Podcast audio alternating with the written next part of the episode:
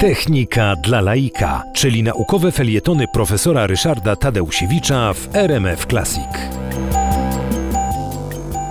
W dniu dzisiejszym y, będzie w Akademii Górniczo-Hutniczej, a dokładniej mówiąc w najdostojniejszym miejscu tej akademii, bo w auli naszej uczelni, y, odbędzie się uroczystość 30-lecia Akademii Inżynierskiej w Polsce.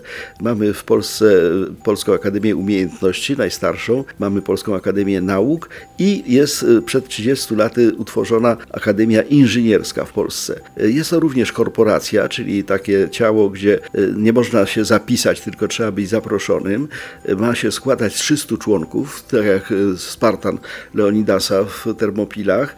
E, musi być e, członek wprowadzający plus dwie rekomendacje, więc jest, że tak powiem, droga dosyć pod górkę, ale znowu, żeby zostać członkiem, to poza tym, że jest członek wprowadzający, który musi napisać rekomendacje, muszą być dwie, dwie opinie, to jeszcze do, do tego jest taki zespół do spraw członkowskich, ja jestem akurat w tym zespole, ocenia, czy ten kandydat się nam nadaje do Akademii Inżynierskiej, i zgromadzenie ogólne w tajnym głosowaniu musi go przegłosować przynajmniej dwie trzecie głosów. Więc wobec tego nie jest łatwo zostać członkiem Akademii Inżynierskiej w Polsce.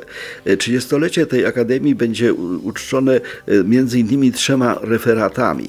E, będzie mówił profesor Antoni Rogalski, to jest dziekan Wydziału Czwartego Nauk Technicznych Polskiej Akademii Nauk o detektorach podczerwieni. Ja będę miał przyjemność opowiadać na tym e, dzisiejszym spotkaniu o sztucznej inteligencji. E, no i profesor Piotr Wolański, były prorektor Politechniki Warszawskiej, będzie opisywał pierwszy na świecie lot rakiety z silnikiem detonacyjnym. E, to też rzeczywiście sensacja. A zatem dzisiaj 30-lecie Akademii Inżynierskiej, bardzo, bardzo zacnej instytucji.